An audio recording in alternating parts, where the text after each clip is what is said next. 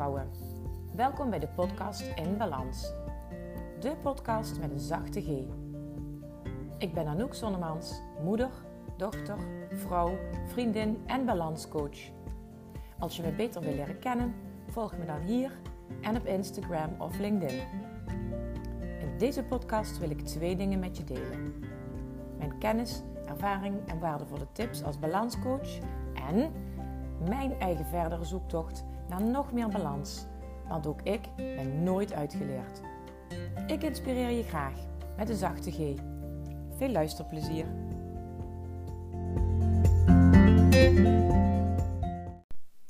Hallo lieve vrouwen, welkom bij aflevering 6 van deze podcast. En uh, deze podcast uh, gaat over gewoontes en hoe je uh, gewoontes voor je kunt laten werken. Hoe je ze handig in kunt zetten. Um, ik had deze afleveringen, dit onderwerp al gepland. Uh, vorige week al bedacht dat ik dit wilde gaan doen. En de afgelopen dagen is er van alles gebeurd hier in Nederland, in Europa en de wereld rondom het uh, coronavirus. En ik heb even getwijfeld of ik daar dan mijn hele aflevering aan zou willen wijden. Maar ik heb besloten om dat niet te doen. want ik wil juist meer focussen op het positieve en, en helpende boodschap naar buiten brengen. Uh, natuurlijk leg ik wel even een link met uh, de toestand rondom het hele coronavirus. Want daar kan ik nou eenmaal niet omheen. Um, uh, maar juist dit thema, eh, dit onderwerp gewoontes, is wel iets wat ook bij het coronavirus en alle maatregelen die daarmee samenhangen. het is wel een hele mooie um, link te leggen. Nou, ik heb me voorgenomen ook om deze aflevering in één keer weer op te nemen. Niet te gaan uh, terug, uh, terugspoelen of uh, stukjes te verwijderen en het later aan elkaar te plakken. Want ik ben ook maar gewoon een mens en soms zeg ik drie keer eh en soms wil ik eventjes. Um, soms moet ik even nadenken over wat ik wil zeggen. En hoe meer ik het ga knippen en plakken, hoe onnatuurlijker het wordt. Dus dit is wat je krijgt van mij uh, een menselijke podcast. Oké, vandaag uh, ga ik jullie even een klein beetje meenemen in de theorie achter gewoontes. Uh, ik zal jullie ook een beetje vertellen over hoe dat dan in de praktijk eruit ziet en hoe je daar zelf mee aan de slag kunt gaan.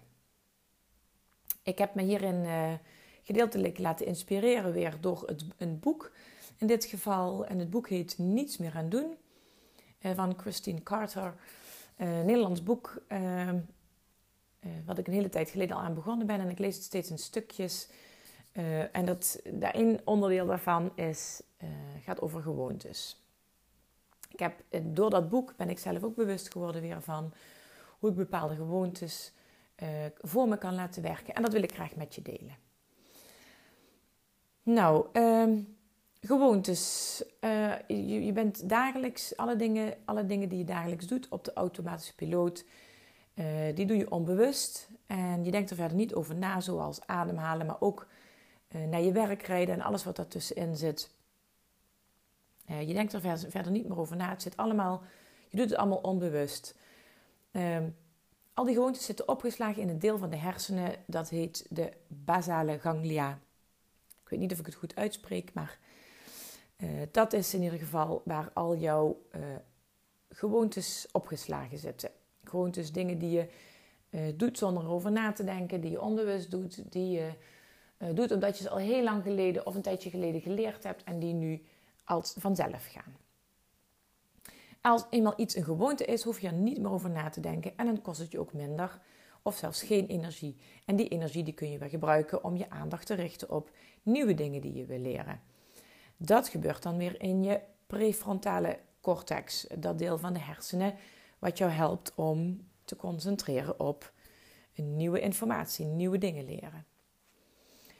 Nou, je hebt uh, uh, gewoontes, uh, goede gewoontes en slechte gewoontes. En een goede gewoonte is bijvoorbeeld uh, dat je opstaat s ochtends en even een aantal dingen doet en dat je dan bijvoorbeeld elke ochtend de wasmachine aanzet. Een slechte gewoonte kan bijvoorbeeld zijn uh, dat je tijdens elk vrij moment op je dag uh, je so social media checkt. Zeker als er allemaal van die eentjes of tweetjes of drietjes of nog meer staan. En dat je je getriggerd voelt om uh, daar even iets mee te doen. Ook al helpt jou op dat moment niet, daardoor is het een slechte gewoonte en leidt het je juist af van datgene waar je eigenlijk mee bezig zou moeten zijn. Het slechte nieuws is uh, van de gewoontes, eenmaal gemaakte verbindingen in je hersenen, dus eenmaal ingesleten gewoontes, uh, die kun je niet meer helemaal laten verdwijnen. Maar het goede nieuws is, je kunt een slechte gewoonte wel in een goede gewoonte veranderen. Om dat te kunnen doen moet je ook wat weten over hoe, je, hoe gewoontes werken. Op de eerste plaats is er een trigger. Dat is een seintje om op de automatische piloot over te gaan. Dan is er de routine. Dat is letterlijk de route die je altijd loopt of gaat. En dat wordt dan weer opgevolgd door een beloning. En die beloning die hangt samen met je motivatie. Is het de moeite waard om dit de volgende keer weer te doen? Om de volgende keer bij die trigger weer diezelfde routine uh, te volgen. Nou, triggers, dat kunnen zijn uh, emoties die je overvallen, dingen die je ziet gebeuren of die je ziet staan in je omgeving, geluiden, geuren, bepaalde tijdstippen van een dag. Dat zijn allemaal dingen die een routine kunnen triggeren, een gewoonte kunnen triggeren. Bijvoorbeeld, je loopt door de bakker, door de winkel van de bakker en je ruikt allemaal die lekkere geuren en je ziet daar een heerlijke cake liggen. En uh, dat is dan de trigger. En ook al wil je eigenlijk uh, afvallen, um, kan het zijn dat je toch vervalt in een bepaalde routine uh, door die lekkere geur en die lekkere dingen die je ziet om die cake toch te kopen. Nou, en de beloning is in dat geval dat je dan iets lekkers kunt gaan eten.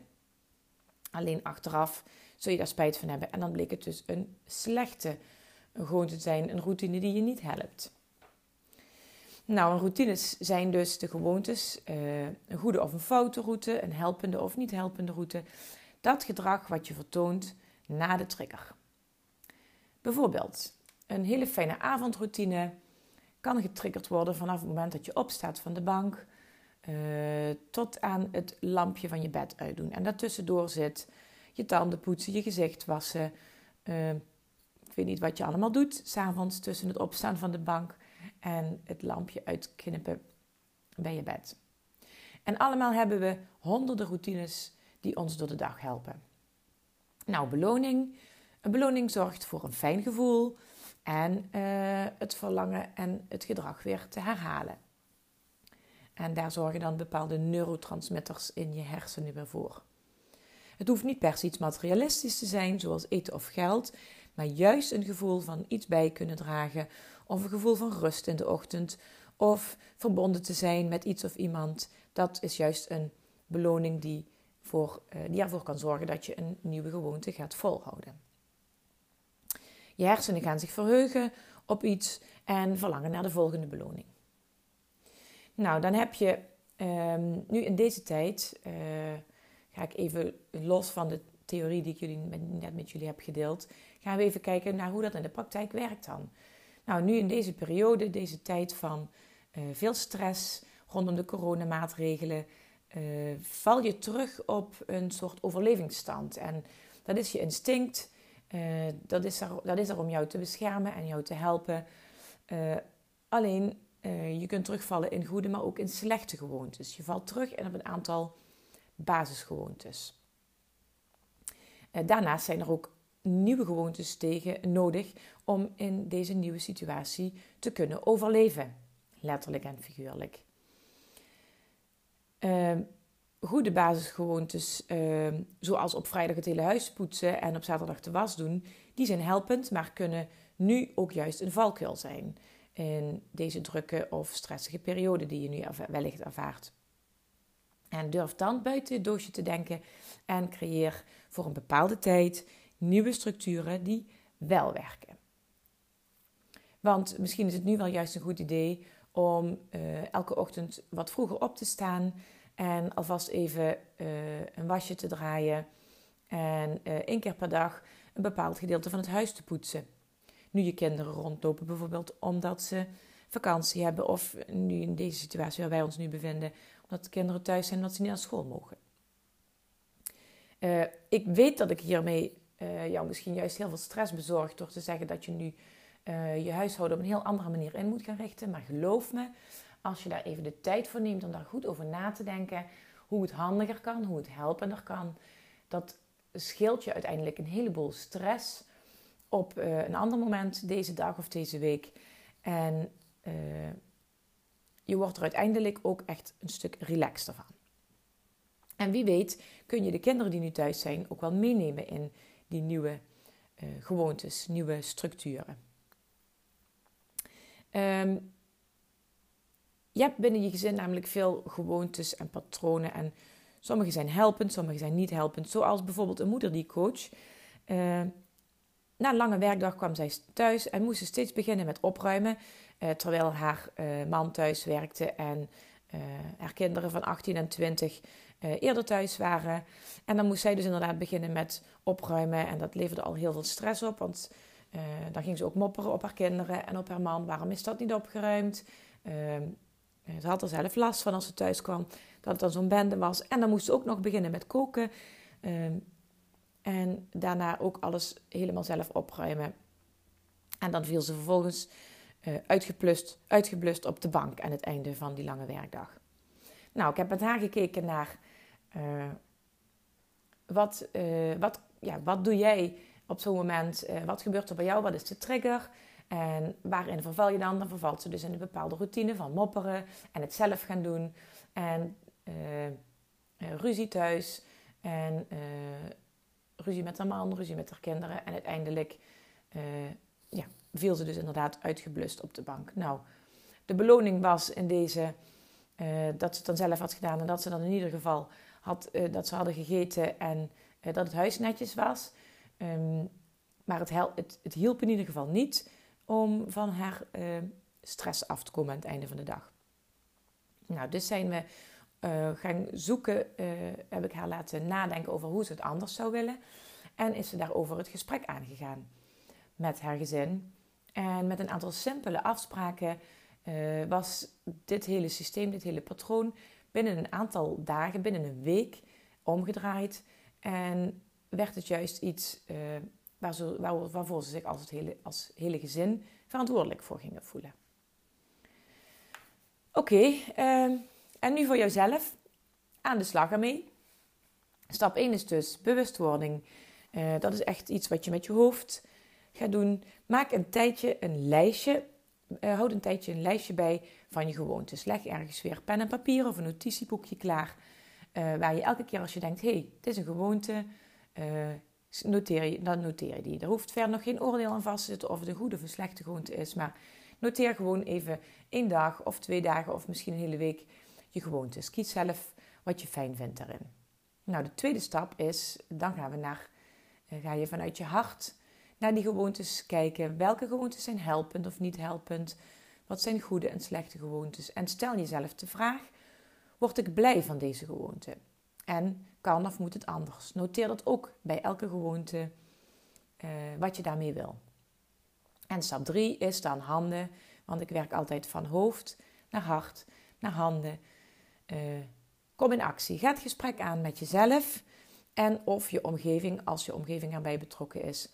En ga bespreken, ga bedenken, wat kan er anders en hoe kunnen we dat dan anders? Hoe kan ik dat anders doen en wat kan de ander anders doen? Nou, nog een tip daarbij. Begin niet te voortvarend, want uh, dat hou je veel moeilijker vol. Kies iets kleins. Begin met mini-gewoontes. Iets wat minder dan een halve minuut duurt, bijvoorbeeld. Kies voor gemak. Het hoeft niet duur te zijn en het hoeft niet veel energie te kosten. Want ook dan hou je het langer vol.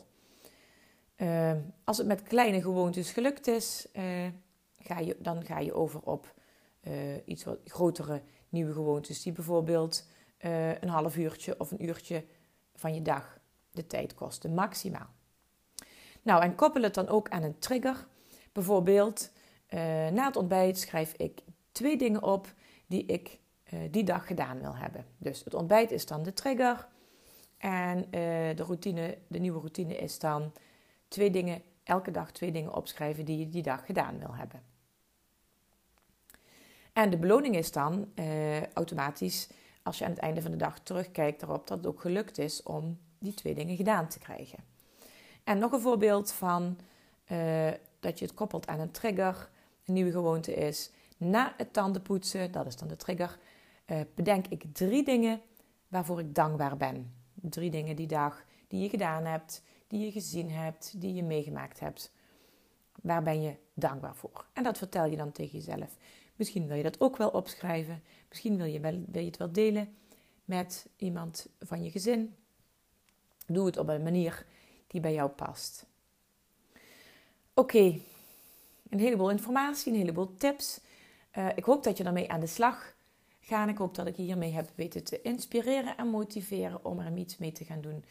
En nou ja, in deze tijd van coronamaatregelen heb je wellicht minder tijd, uh, doordat je heel druk, een hele drukke uh, baan hebt, waarbij er moet zijn om voor anderen, voor de maatschappij, mens, andere mensen te kunnen zorgen dan snap ik dat je hier niet meteen mee aan de slag kunt. Maar ook daarin zoek naar kleine dingetjes, kleine mini-gewoontes die je wellicht toch kunt gaan invoeren om ook jouw dag een positieve draai te kunnen geven. En misschien heb je juist wel heel veel tijd nu, doordat je normaal gesproken een drukke baan hebt en uh, nu met uh, wat oudere kinderen de hele dag alleen maar thuis kunt zijn. En op momenten dat die kinderen, die oudere kinderen, zich goed kunnen amuseren zelf en je hoeft niks voor je werk thuis te doen, maak dan gebruik van die tijd om nu eventjes voor jezelf aan de slag te gaan. Plan elke dag een momentje waarop je zeker weet dat het gaat lukken. Een half uurtje maximaal om even te gaan zitten en met jouw eigen gewoontes aan de slag te gaan. Al is het alleen maar het noteren van die gewoontes en erover nadenken en bedenken wat je ermee wil gaan doen. Hou het klein, hou het behapbaar, uh, ga voor gemak. Uh, maak het niet te moeilijk, maak het niet te groot. En doe dat wat op dit moment mogelijk is voor jou. Maar doe jezelf dit cadeau, dit moment op een dag, om daar iets mee te gaan doen. Oké, en dan sluit ik weer af met mijn motto: zorg goed voor jezelf want dan kun je er ook voor de ander zijn. En dat is natuurlijk nu in deze tijd uh, heel erg belangrijk. In stressvolle perioden is het juist belangrijk om goed voor jezelf te zorgen. Om daarna ook voor die ander uh, te kunnen zorgen. Uh, ik hoor heel graag wat je van deze aflevering hebt gevonden. Deel het met me door mij een berichtje te sturen op social media op uh, Instagram of Facebook. Stuur me een privéberichtje, stuur me een mailtje. Mijn e-mailadres staat in de uh, informatie uh, van, bij deze podcast, dus je kunt me ook altijd mailen. Ik vind het super leuk om iets van anderen te horen. En dan weet ik ook voor wie ik het doe en dat het effect heeft. En dat geeft mij dan meer, dat is dan mijn trigger om deze routine van podcast opnemen door te zetten. Want de beloning zit hem erin dat ik van andere mensen terughoor uh, hoe fijn ze het vinden om naar deze podcast te luisteren en wat ze ermee doen. Dus je maakt me blij als je iets laat horen uh, of als je me gaat volgen op uh, mijn social media.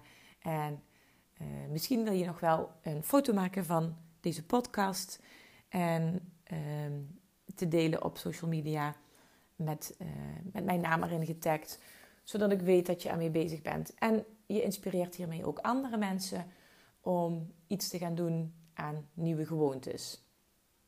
Oké, nou, ik ben nu echt klaar. Uh, ik wens je verder een hele fijne dag vandaag. En als je dit voor het slapen gaan luistert, ik wens je een goede nachtrust en uh, heel veel geluk, gezondheid en succes. Lieve vrouwen, bedankt voor het luisteren naar deze aflevering van de podcast In Balans. Ik hoop dat ik je heb kunnen inspireren of motiveren. En ik hoor graag van je als je iets wilt delen met mij na het luisteren van deze podcast. Tot de volgende keer.